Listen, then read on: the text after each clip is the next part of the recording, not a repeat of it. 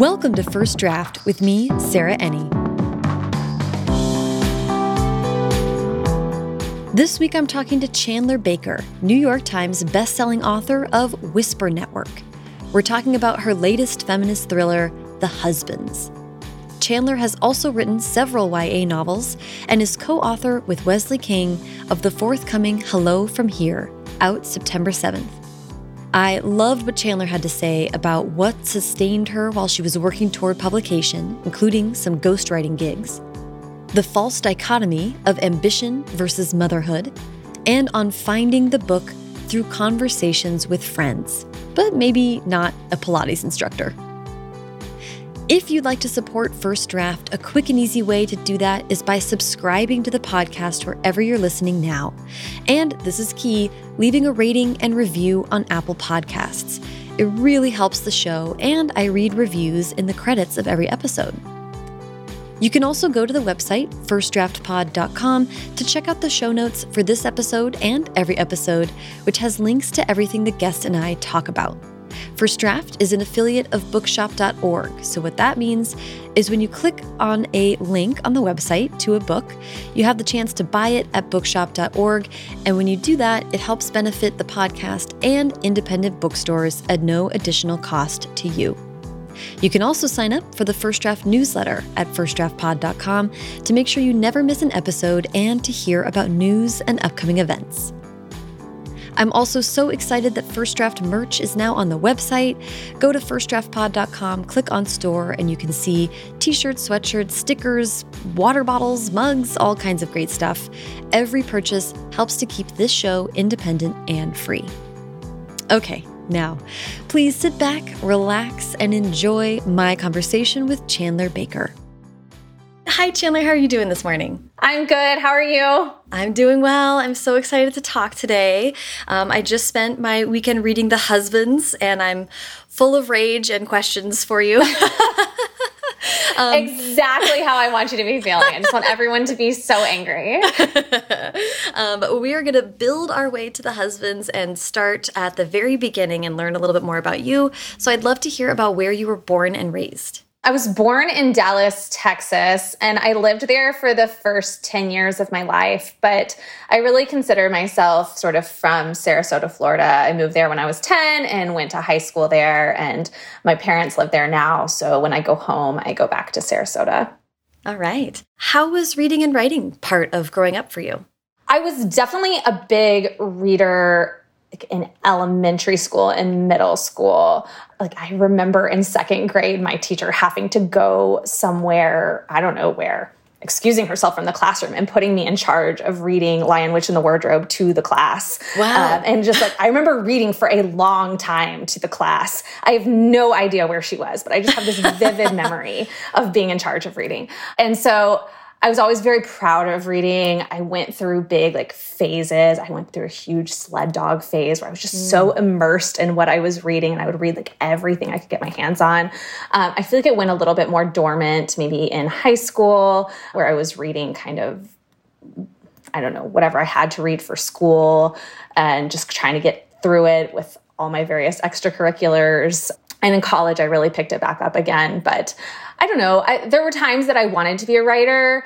I didn't really think it was an actual possibility, so I didn't pursue it seriously. But I was a huge journaler. I have diaries from probably you know sixth grade onward, and I probably journaled almost every day for for that whole time period. That's amazing. Oh, I read an essay with you that that was correlating getting into or not getting into college with discovering creative writing in some way, shape, or form. Do you mind kind of telling me that story or, or how you came to to expressing yourself that way?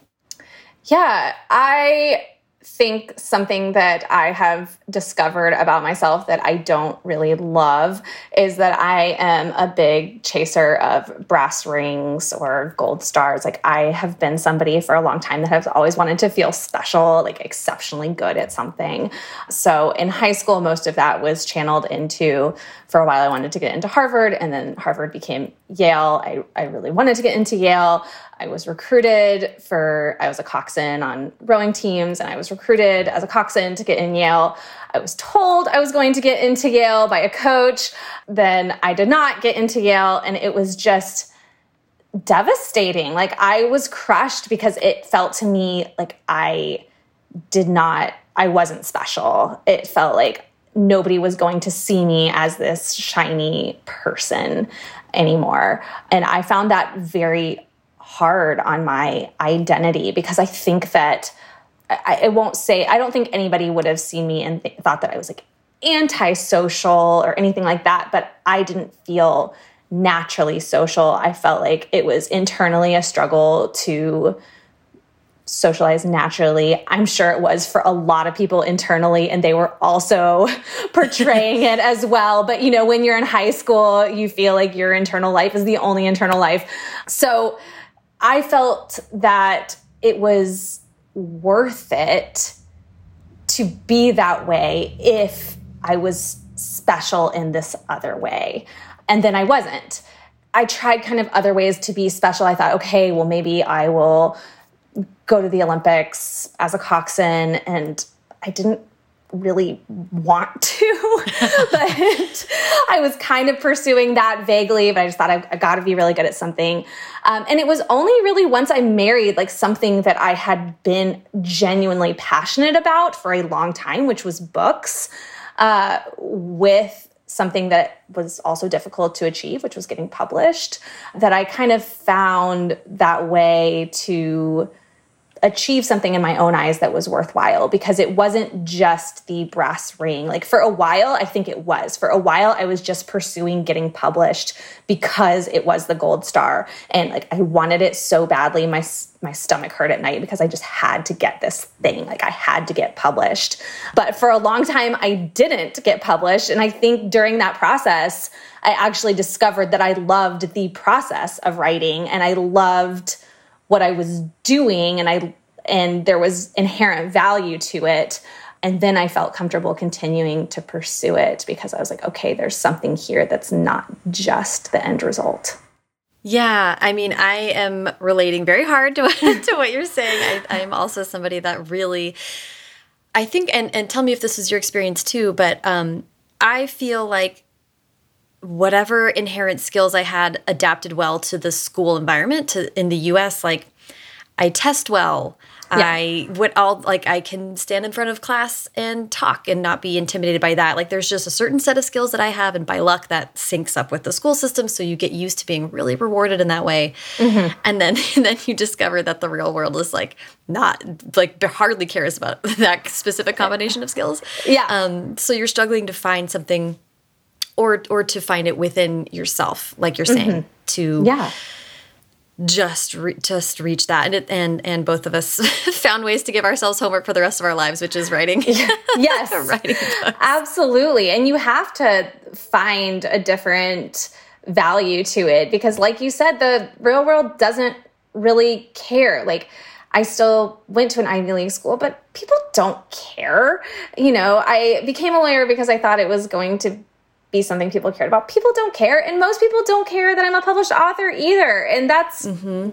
fine. That's great, you know. Mm -hmm, mm -hmm. And you've just got to be happy in your in your job. You've got to do it for other reasons in yeah. any job, really.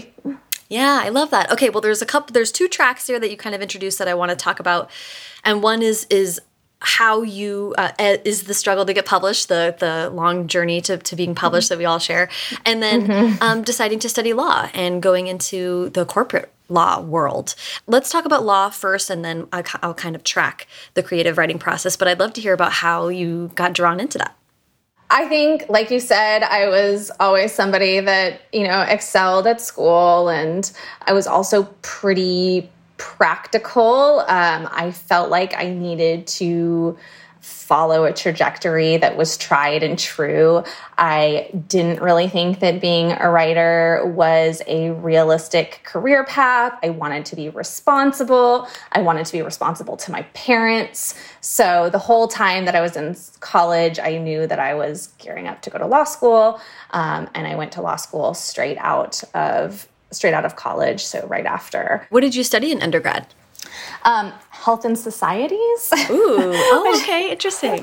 Which is kind of um, like a mixture of bioethics, I would say, and public health policy. You know, kind of one of those liberal arts mishmash majors. I graduated a semester early from college, and during that time, I spent that time writing because we saved saved some money with me graduating early. My parents said I could stay up there for that semester, so I stayed in Philly for the semester in my apartment with my friends. But I spent that time writing and teaching the LSAT uh, to make a little bit of money, and and kind of gave that to myself to to write. So, um, yeah, so that was nice and yeah, so I went to law school and just con considered that that was going to be my path. And uh, but the whole time I was kind of pursuing writing, I didn't give it up. I got um, an agent within my first couple months of law school. Um, wow. Yeah, I always felt like I was getting just enough out of on my journey to publication to like keep going mm -hmm. parallel to my legal studies and it was only like a little bit but it was it was just what i needed to keep doing it and so, yeah, so I did. That's so interesting. Like many of us, I feel like it's pretty common to when high school hits, there's a lot of homework, kind of the reading sometimes falls away. And I love that that it resurged for you in college when that's another time when a lot of people get kind of sidetracked by by the demanding schedule of college and reading, but you found your way back to books and to writing during that time. That's so interesting. Yeah, I mean, there was so much great YA coming out at that time. That was like when Lauren Oliver was coming out. That was when John Green was coming out. That was Gayle Forman. Like all those great books were coming out that were, I mean, it was just a deluge of amazing YA that I had never experienced. So I was loving it. And then I think, you know, I don't know if, if you were pursuing writing during this time, but there was like Miss Snark uh, mm -hmm. the mm-hmm. blog at the time, mm -hmm. which I mm-hmm. found so fascinating. Uh, I got involved on like message boards, like the Verla Kay Blue boards. I got involved on Absolute Write's, Purgatory Thread. So I made a lot of online friends, and I felt like that was very sustaining. So I kind of had this whole online universe that felt very new and fresh and kept me sustained towards those goals. Yeah, it's it's funny how I definitely was around the same time and yeah. like everybody had a blog and every and it sort of was this like alternate world that you could access and that was feeding you creatively and like so separate from the the rest of your life which now it feels so integrated into my life it's funny mm -hmm. to mm-hmm. think back to then it was like let me log yes. on and just like leave the real world behind for a minute yeah I want to ask about about the early time of writing because I understand that you got into ghostwriting for mm -hmm. a little mm-hmm. bit. Can you talk to me about that's a, a, really interesting thing that I think is more common than people might understand, and it's sometimes hard to talk about. So whatever you can share about that experience, I'd love to hear about it. Yeah, I know the reasons that I got into it, which is I felt like I needed some validation. Mm -hmm. I felt like I we tried to sell my first book and it didn't sell, and I felt somewhat embarrassed around like my law school classmates that knew I was pursuing writing, even around my parents that knew I was taking time away from my studies to pursue writing when clearly everyone was rejecting me. And I just thought, well, if I could get somebody, if I can't sell my own work, if I could get somebody to pay me something, then they would know that I have some value as a writer. And I don't know that that's the best reason, but uh, I did get hired um, on to write I think the first thing I got hired on to write was a series, a middle grade series that had been going on for a long time. So I wrote, I think, three or four books, sort of like in the middle installments. They were super cute. I'm still really proud of them. And they do really well. No, no thanks to me. They were, were already doing well and they're just fun. And honestly, it was a great experience. It was like being paid for boot camp of writing a novel, having to meet those deadlines, understanding the structure that the editors were looking for, going through edits really quickly. So I don't regret it at all. I think at some point, you know, then I took on a little bit of extra, of additional work, I think for um, James James Frey's, James Frey's company, mm -hmm. Full Fathom mm -hmm. Five. And then at some point, I was taking on more things, and my agent was finally like, okay, you need to think about your own work again. like this is taking away from your own work and the thing is your own work. So if it's becoming a detriment to you pursuing your own creativity, then you set it aside. So I felt like that was kind of his come to Jesus talk with me.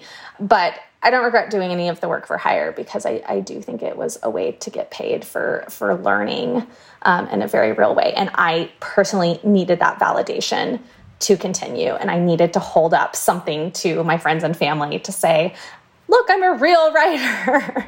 yeah, yeah, absolutely. And I think that's such a great way to phrase it that you really got paid for an MFA, basically, right? Mm -hmm. And and an MFA that really teaches you how publishing works. Yeah. Um, I think ghostwriting is a wonderful way to sort of like um, it's an unromantic pulling back the veil to be like, oh, just people just need to meet deadlines. It doesn't have to be yes. a perfect book. It needs to meet to, like and to jump in in the middle of a series. like this needs to happen. Here's an outline. Make it work, and you kind of get where there are practicalities to what we do, which is good. Yes.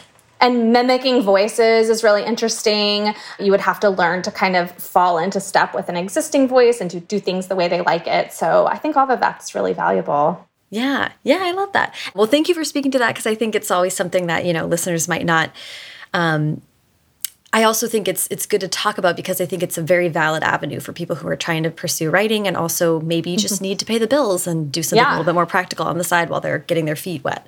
Mm -hmm. um, what uh, so it is I think this is not the end is the book I want to lead us to if you don't okay. mind talking about how that book came about. Yeah. Um, let's see. So I had published I think three young adult books by that point and that was my option book with Disney Hyperion.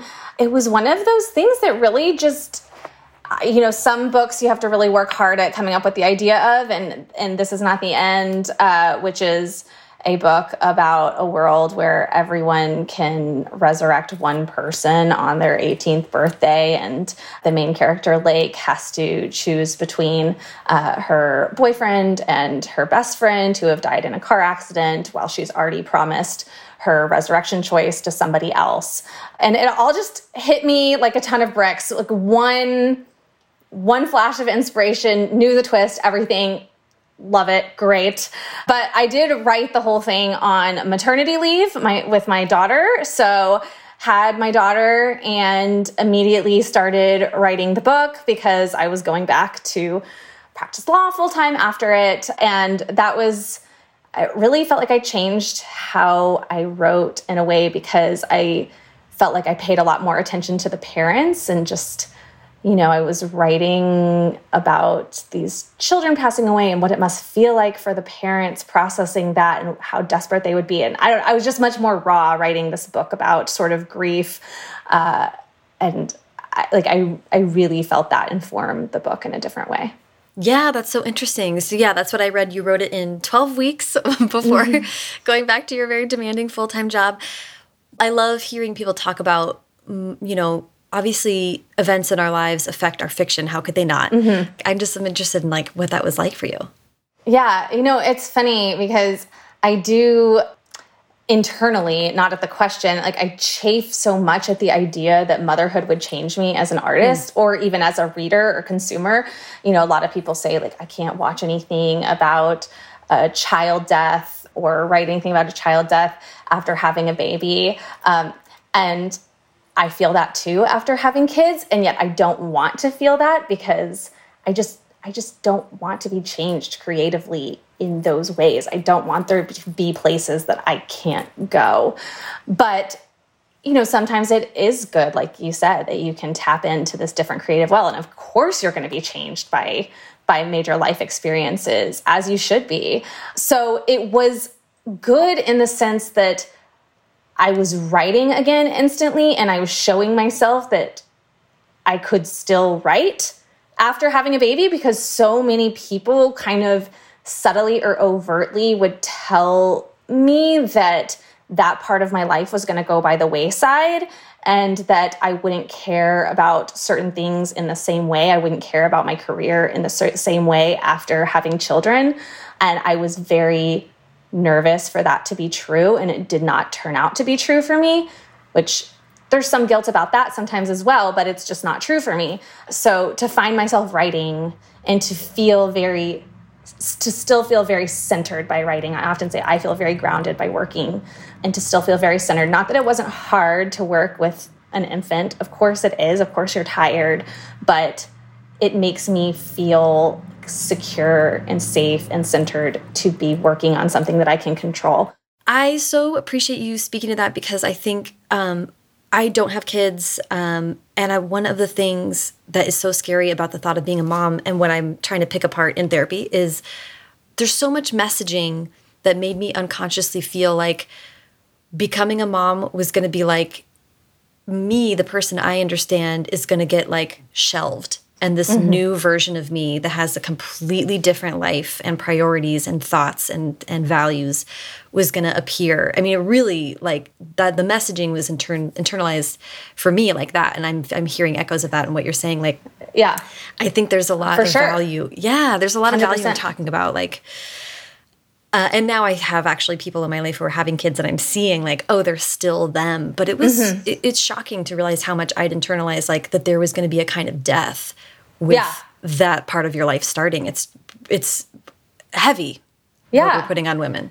And it's still, I mean, I still think that there is, even if you don't feel it, because I don't feel that that death inside me. I still feel that fire in my belly.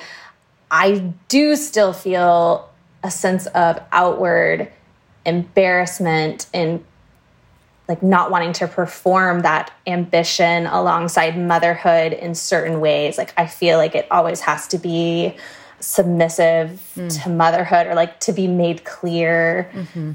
that my children come first. And of course they do come first, but it's like it's really not a binary choice often you know? Like mm -hmm, mm -hmm. i don't i shouldn't really have to be performing that oh my children come first because it's not usually a decision that needs to be made. Right. Yeah. Yeah. Thank you for talking about this is not the end. I really was like um, so struck by that a ya novel that just kind of like was literally birthed as you were a new mom. Um, yeah. the cover is so gorgeous. It's one that i just remember being everywhere when it came out. Thank you. Um, but I'd love for you to lead me from you wrote many YA books. Uh, Alive was your debut, Teen Frankenstein, Teen Hyde, Teen Phantom, This Is Not the End.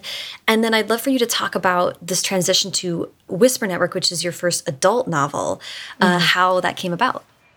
Yeah, I, you know, I had written This Is Not the End and I had read my YA books and they had done fine and they had come out like many YA books do to limited fanfare, and that's great. Uh, but, you know, I had been kind of just thinking like what I wanted to do next and where I saw things going. And I'd just been having a lot of conversations with my agent about what I wanted to do. And at the same time, when I started out as a writer, I was reading a bunch of YA books. I was in college and uh, at this point, I was in a book club. We were reading a lot of women's fiction.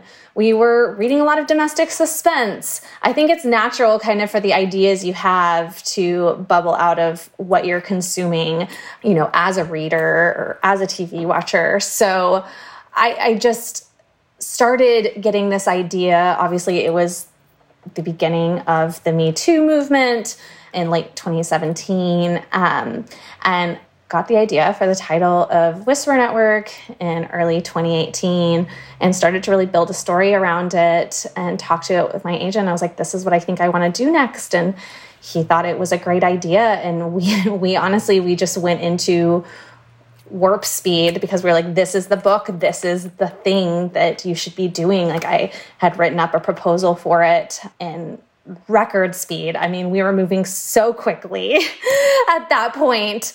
And, you know, I, I think I got the idea in January of 2018. We sent out a proposal uh, on Friday on, in like March 2018, and we sent it to Reese Witherspoon and heard back on Monday morning from her. And wow. you know, had the offer, which I, I know it does not always happen that way. Like I had been around the block enough times to know that it wasn't always that way. So I felt like I could really appreciate it. it was so close to what I was going through personally at the time as well. So yeah, uh, there was a huge sense of catharsis and like bringing it to the table. It was the first time that I was really writing about the stage of life that I was in, mm. which felt like this huge shift in my writing where it really broke things open for me. Yeah, that's incredible. That is something that um, you know. There's a lot of YA writers who are exploring adult now, and that is an, such an interesting thing for me to talk to people about. Like, mm -hmm for some of us, not everybody, but for some of us writing YA as you get older and are obviously not a young adult anymore, it's just processing sort of what we went through at that time and how we feel about it. And I do have a lot of friends right now who are thinking, I'm not processing that anymore. I'm processing actually my late 20s or my early 30s and and how do I kind of shift into discussing those kind of things that are top of mind? Well, I think the biggest thing about the Me Too movement in my personal life was just the conversations I was having with the women in my life, um, like at that moment. So I felt like every time I was going to lunch with a friend or every time I was going to book club or something, it would always kind of come around to the mm-hmm. discussion mm -hmm. of, you know, how we had like what we had experienced in the workplace, how we had handled it, how we wish we had handled it. And I think that the biggest thing I've discovered about my own writing from the last few books is that it's best for me when it come when it's born out of these conversations with my girlfriends. Um, so that's become like a very important my, part of my process is talking to my female friends and uh, really finding the book in those conversations. So uh, so so it was really like a literal whisper network was creating this book. I am so interested that you sold it on proposal because the Whisper Network similar to the husband in a little different way it's got four main characters. It's a lot of interconnected stories. It's kind of an ensemble cast. Um, it seems to me like it would be it would be hard to anticipate how that would how that would roll out in the actual writing of it. I mean what was it like to put the proposal together knowing that you were going to then uh, kind of set yourself this task of a big sprawling interconnected network of women I probably shouldn't say this, but I've never not sold a book on proposal. Uh, That's okay. not not to encourage people to follow suit, but I just it's how I tend to work, I guess. Uh, it was a long proposal. It was a very long proposal because I think of exactly what you said. So we went in intending to do a proposal of maybe you know 50 to 75 pages, mm -hmm. and we you know, my agent and I would read it and he would send it to a couple colleagues. We would get feedback and be like, oh, just a little bit more of this or that, um, because we would have to be, you know, switching between all these points of view. And, you know, I think by the time that we sent it, it was probably like 175 pages and like a 30 page synopsis. So mm -hmm. it truly kept ballooning because it really was somewhat by committee, by a network. Like he, we wanted to get so much feedback from people. We asked so many women what they thought of these pages, and so many people would give us input before we ever went to sell it. And I'm very grateful for that. So, but just all that input just kept at adding things and adding things. So we went from like, oh, 50 page synopsis or 50 pages with, you know, 10 page synopsis to like 175 with yeah. 30 page synopsis or something.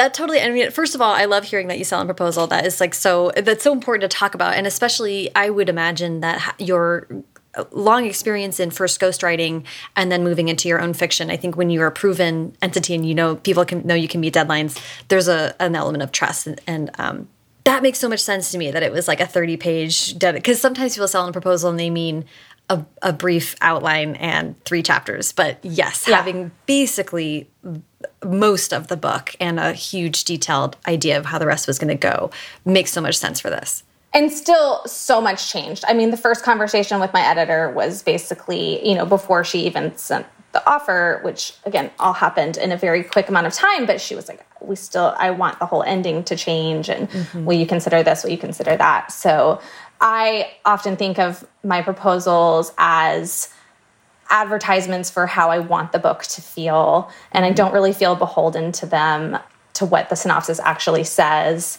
but I just want it to say kind of what my aesthetic is for the book. Ooh, I like that.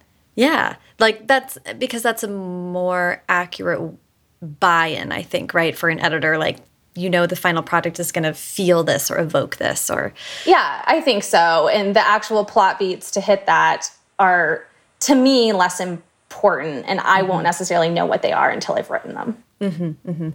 I love how you're talking about this new process for you sort of crowdsourcing what is on people's minds, especially the women in your life, and then getting the op opinions from other people as you go and kind of ending up with something that is addressing a, a moment, um, which is really, I mean, and then of course, the Whisper Network comes out and is a instigator of many more conversations. So it's kind of this um, feedback loop, which is what the best kind of contemporary fiction does, I think, right?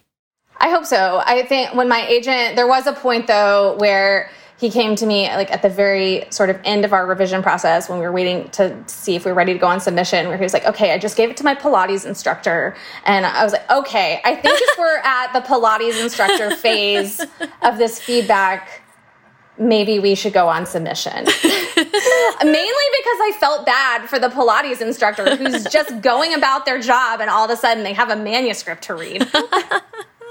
that is so funny.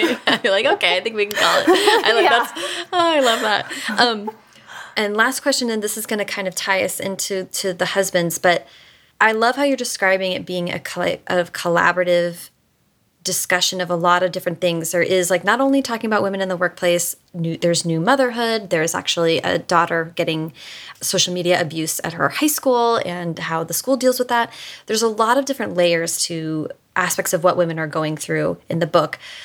And that's part of what makes it feel so rich. But I wonder how you thought about balancing all of those many different threads with kind of the central plot of the workplace and this one man Ames who they are kind of plotting against or trying to figure out what to, how to deal with him. How did you think about the main plot versus all of the kind of satellite issues that were going on?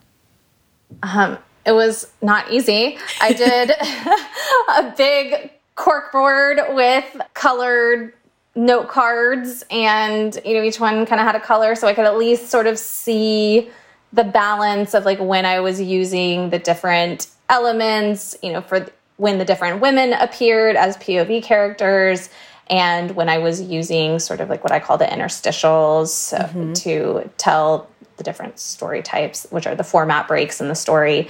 So I wanted it to feel somewhat balanced, but I also didn't want to it to feel to me prescriptive. Mm -hmm. I didn't want to feel like at this point you have to have a format break. At this point, you have to have this point of view character. So I, I did keep it somewhat organic that way.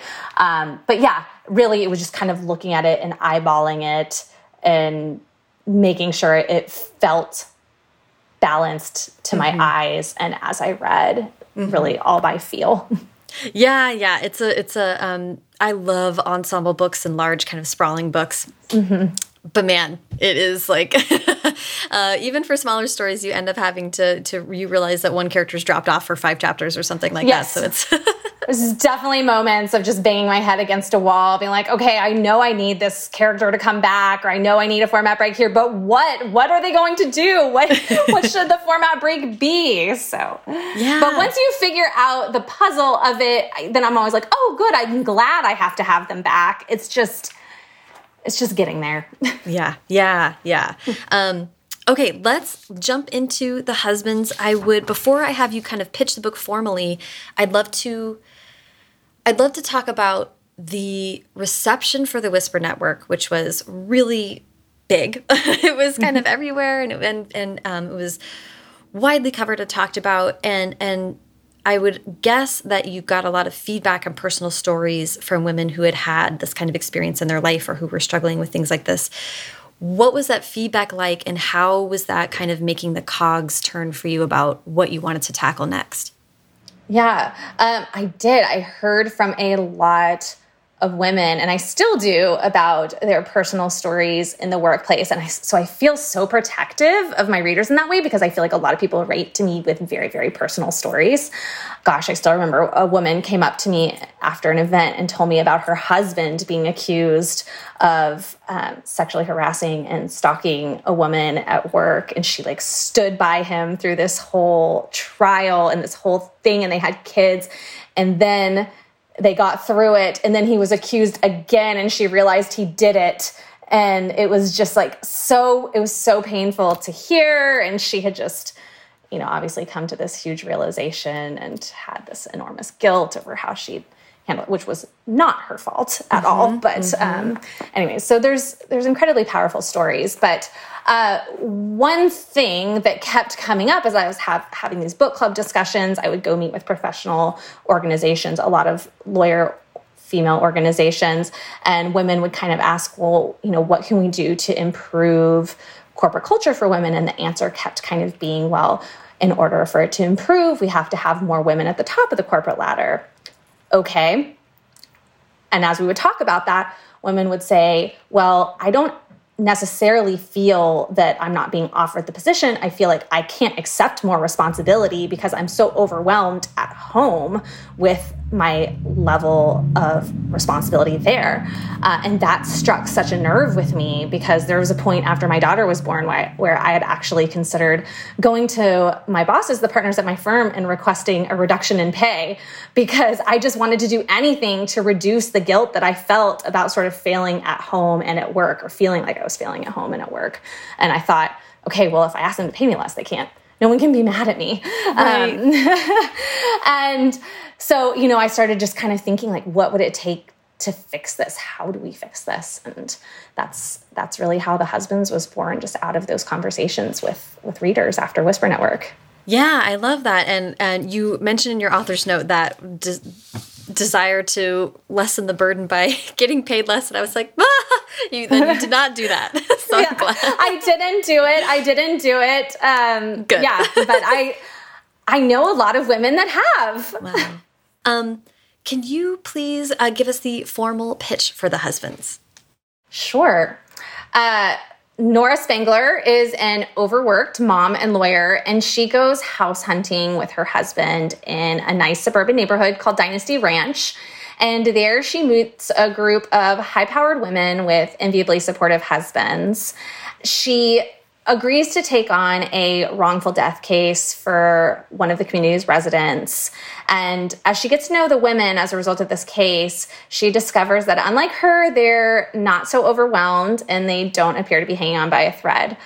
And as the case unravels, she uncovers a plot that might explain the secret to having it all, one that could be worth killing for. Ooh, I love that. Excellent pitch. Um, so I love you talking about the evolution of the conversations after the Whisper Network, kind of leading you to this domestic issue that's sort of at the core of.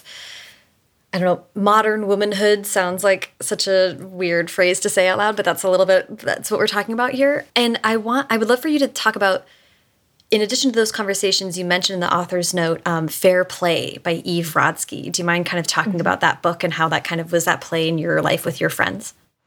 Yeah, so I I had gone on a um, like a little girls getaway weekend with a couple of friends and I was pregnant at the time and we got to talking about fair play which we had all kind of picked up independently so fair play is about how to divide domestic labor in your household sort of conflict free or to reduce mm -hmm. conflict so you divide stacks of cards between you and your spouse and you're supposed to take ownership of those spheres of domestic responsibilities. And um, I think it's I think it's a great system. I think it's a wonderful idea. I think what fascinated me about it though was how my my friends and I just like talked and talked and talked about it mm -hmm. and what was going on and why we thought it would work or it wouldn't work and um, how it was us having these conversations we couldn't imagine that necessarily our spouses were at home having the same conversations. Mm -hmm. uh, so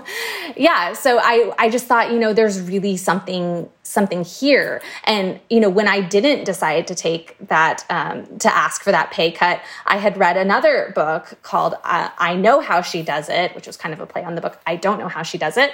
Um, and there were all these books kind of aimed at women about how to manage home and work life. And I mm -hmm. felt like mm-hmm. they were very much marketed towards women, and women were being tasked with how to figure out this conundrum. And that figuring out was yet another thing on our plates. I also I don't want to skip over the fact that you were seven months pregnant while you were having these conversations and talking about this book. So if I have it right, you were trying to finish uh, at least a proposal by the time you were due. Yes. Okay. Yeah. I well yes. So I, to back up just slightly, I had, um, had had another idea for a book and I turned it in. We had kind of agreed on it and I turned it in maybe the week before Whisper Network came out. And my whole team came back and was like, this is not the book. So we agreed to just scrap the book entirely. And it took me a really long time. Like I had been throwing out ideas and throwing out ideas and, and throwing out ideas. And then it was kind of when I got back to those conversations I'd had with Whisper Network um, that I landed on this like crazy idea that the husband's is. And it felt like such a big swing. And at first, when I had kind of voiced it, I think everyone thought I was a little bit bananas. um, but then we all, you know, then I started to kind of outline what I meant and what the conversation was around it. And then, you know, my editor, who got pregnant very shortly after me, really got it with her second child. We followed mm -hmm. like almost the exact same trajectory. So um, oh, it's it's been funny for us. So yes, so at that point, yeah, I was trying to come up with a proposal because I already felt very, very, very far behind mm. at that mm. point and sort of dejected because I hadn't been able to land on something that made sense um, yeah. to write next. I do want to talk about that briefly just because that's such a real moment that happens behind the scenes that we don't often get to um, hear from people who mm -hmm. are, are successful, continuously publishing writers. I just spoke with Nicola Yoon, who had a very similar experience after The Sun is Also a Star, a mm -hmm. book that just was not working, and she had to shelve it and work, move on to something else, which is a really emotional process to have to to to put something to bed and realize that no matter how or where you are in your journey that you're still going to have moments like that. I'd love to hear about what that was like for you especially because i can imagine that the um, stakes were really high coming off something like the whisper network which was kind of propelling you into not only adult but into this very you know best-selling realm where there's a lot of eyes on what you're going to do next. What was was that time like for you it was confusing. On one hand, when my editor voiced it, I did not feel sad. I think my friends thought, oh, you're in shock. The sadness is coming. But I think that was very telling. I did not mm. think she was wrong. On the other hand, I had just quit my job. Um, oh, yeah. So okay. I was writing full time. And I mean, you know, we get paid when we turn things in. You don't get paid that often as a writer. Mm -hmm. So I knew this was at least a year setback. So it was essentially probably foregoing a full year of a salary right. for me, uh, which was really scary for, you know, for my family. Mm -hmm. At the same time, I was like, okay, but long term, I need it to be the right book that comes out. It was just, it was, it was both. So it, it felt right to me. It felt like the right decision. And on the other hand, it felt really scary financially are you the kind of person that, that always has ideas and is always kind of like like putting things in a row like what you want to write next? Or is this something that you're familiar with having to sit down and wait for a new idea to come to you? I would say i have a lot of ideas but i have become progressively pickier with my ideas. It's becoming rarer and rarer for me to get what i I get when I know there's an idea I want to pursue, it's like the buzzy feeling. Like it's I don't know. It's it's a very nuanced feeling to know which feelings are the buzzy feelings and which buzziness lasts a little bit mm -hmm. to mm-hmm. know that that's the idea. So that feeling I think is becoming a little bit rarer for me as I go. That's interesting. Yeah, I mean that's that's um, also what that makes me think of is um, really understanding your intuition a little bit mm -hmm. more and getting yeah choosier. yeah, I think that that's true. In the author's note, you say that you that you kind of crowdsourced um, responses from people, asking people what I think. Mm -hmm. Let's see, you wrote. As I wrote The Husbands, I asked every woman I came across one question. In your fantasy world, what do you wish your spouse would do for you? What an interesting question. I can only imagine what kind of response. I mean, what was what was it like to field all kinds of different responses to that and, and what stood out to you?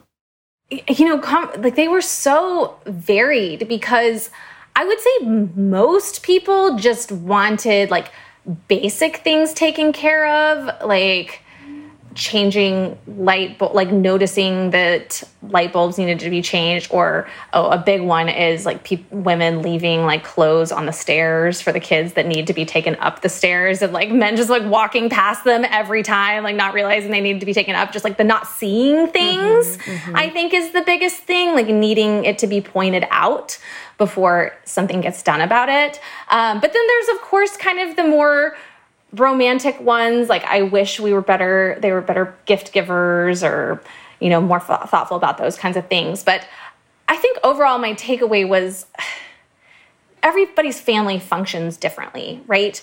There families there are families that do one thing well and don't do other things well. Like you'll you'll hear oh but my husband always does the dishes or my husband always you know he's he does the laundry whatever.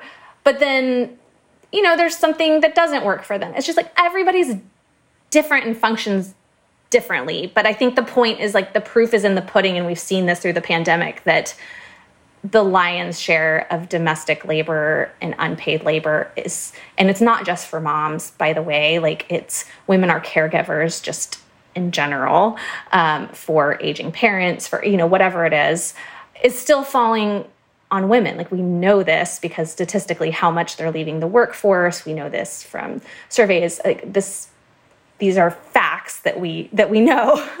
that leads me to kind of the, the character of so Nora is the main character of the husbands and her husband Hayden I thought was such a um, interestingly drawn character and maybe a guy that we haven't seen so much in fiction yet who is important to analyze in fiction because he's not a bad guy and he's not a bad dad and, and Nora is very clear throughout that she loves him and wants to be married to Hayden but he is also the guy that is doing better than his dad did and thinks mm -hmm. that that's enough. And there's a lot that he he wants her to delegate tasks to him, which as as you just established, like is just putting the ball back in her court, kind of. So it seemed to me like you as an author, that's a challenging balance to find. Like this character is going to be bad enough that you want Nora to go down this path, but not so bad that you don't understand why she's married to him. How yeah. did you kind of draw that character? Yeah, no, that is hard because I think that, you know, Nora is in love with him and she feels very connected to him and romantically they're they're great. It's just this one little thing, as she says, that it is actually a big thing. So yeah, I I really try to just drive home that they have these aspects of their relationship that they really connect over that he was open to things like couples therapy that he is like an emotionally available guy that he is sort of dad 2.0 that he feels like he's trying. I felt like in this context i'm not interested in talking about or exploring guys that aren't trying. I don't know any women personally that are married to those type of guys anymore. All my friends are smart, outspoken, feminist women, and they wouldn't be married to men that were not trying to do their part. So, like, I'm not familiar with that yeah. dynamic, you know? um, and yet, there is still this kind of delegation aspect in a lot of the relationships that I'm familiar with.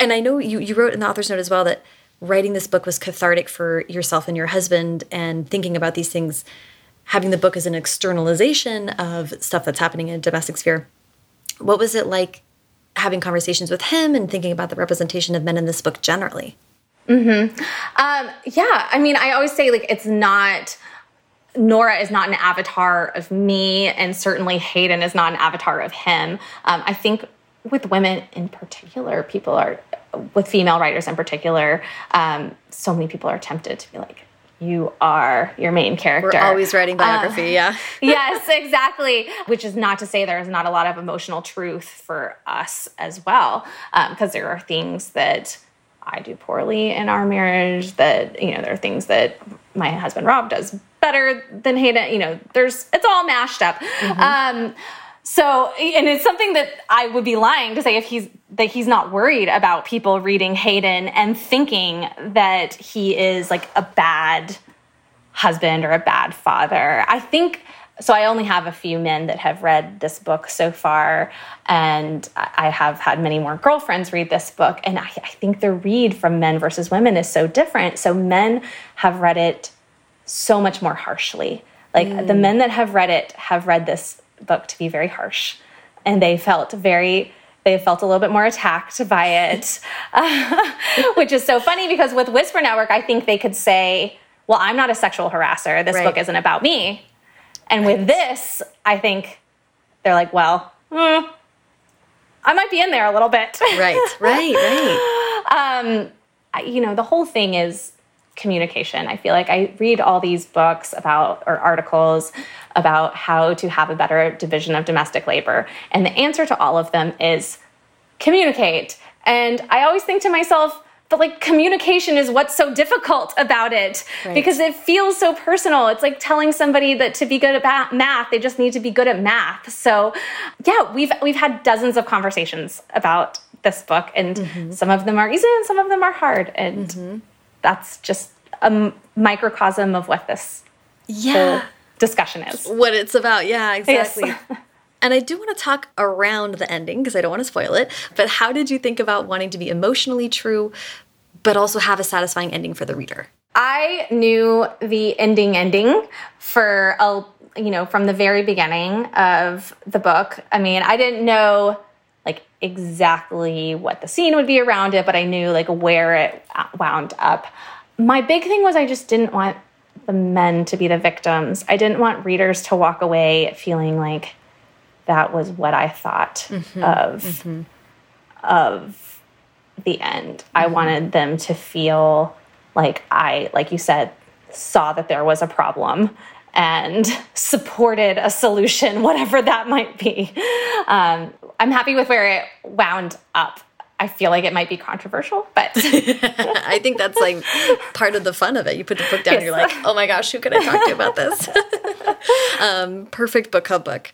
I, I want to ask about. I'm sorry, you're giving me so much time. We're gonna we're gonna start to wrap up here, but I do want to ask about the screenplay, about being able to write the adaptation. Can you talk to us about how that came about? Yes, I'm so excited and nervous. So yeah, we sent it to send it around, and I was lucky that Kristen Wiig was one of the first people that read it. And I talked to her really early on in the process, and she was just so lovely. She is obviously a very talented writer herself, and she just said, "You know, I know I hear that you want to write the screenplay, and I just." Want you to feel supported as a writer and I want to know how I can help you make this happen. That was so kind and generous of her. And she introduced me to Dede Gardner at Plan B, who introduced us to uh, to MGM, and that's where we wound up. So in that part, it was pretty seamless. And yes, now I'm embarking on this journey, and I have been doing a lot of studying, a lot of reading screenplays, an outline, having creative conversations, it was just really important to me to try to do this myself. Um, I feel like it's it's a big swing, but I tend to really trust myself in these situations, for better or worse, I guess. but uh, that really is how I feel. That you know that I do think that I that I can that I can do it. Yeah as we mentioned, like one thing I noted about your work is that you so delight in having these big casts and a lot of things going on all at the same time. And then screenplays are, of course, like they're so limited. It's such a yes. different beast, um, as you say. So, how are you thinking about preserving some? How are you thinking about preserving one some cores of the book and and what you mm -hmm. can mm-hmm. leave behind? How are you thinking about the, the adaptation process?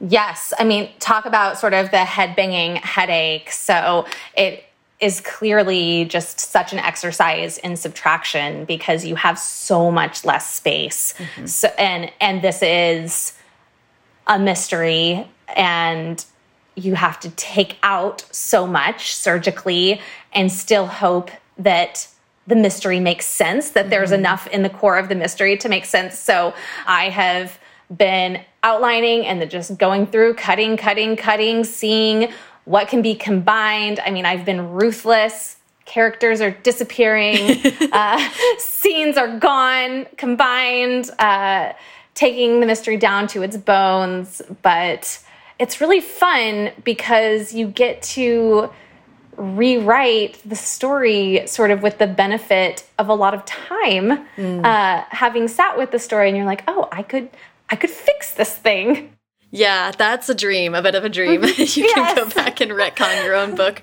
once it's right. come Once it's uh, as far along as the husband's is, you're like, well, there it is. exactly. it exists. And but no, it's a second chance. So that's wonderful. That's great. I wonder what you can tell us, uh, if anything, about what's next on the docket for you. Um, I have another two books with Flatiron. So I am writing another adult book right now. So I'm trying to turn that in next month. I'm not going to say what it is yet because I'm just, you know, it's in its I don't know. I'm I'm not a superstitious person. I'm I'm not a superstitious person, I say. and yet it's like a preservation of energy.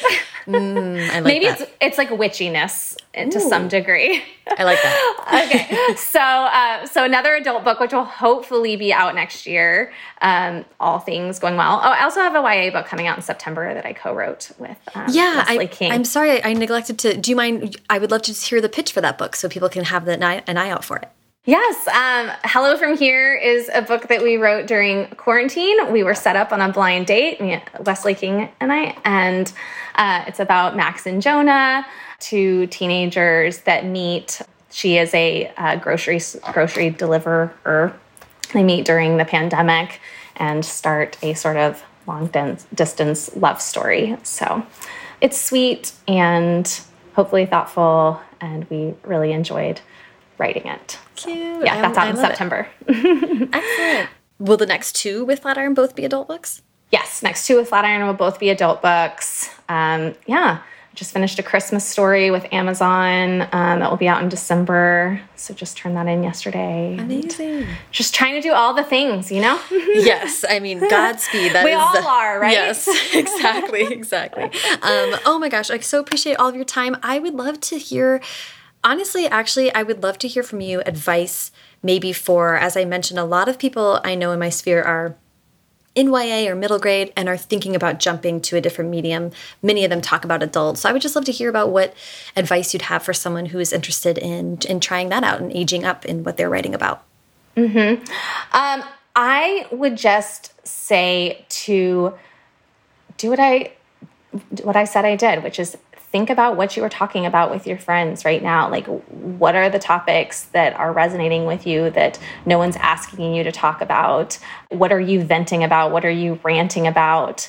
And start there because I think those are the things that are going to be interesting. I think the joy to me personally of aging up has been processing this in real time and getting to connect with readers in the moment about what they're going through and having these conversations and it's just been so rewarding to to have that experience so um, i think if if people do that and aren't afraid to write their most embarrassing most personal most specific thoughts uh, they will um, they will strike a nerve with people.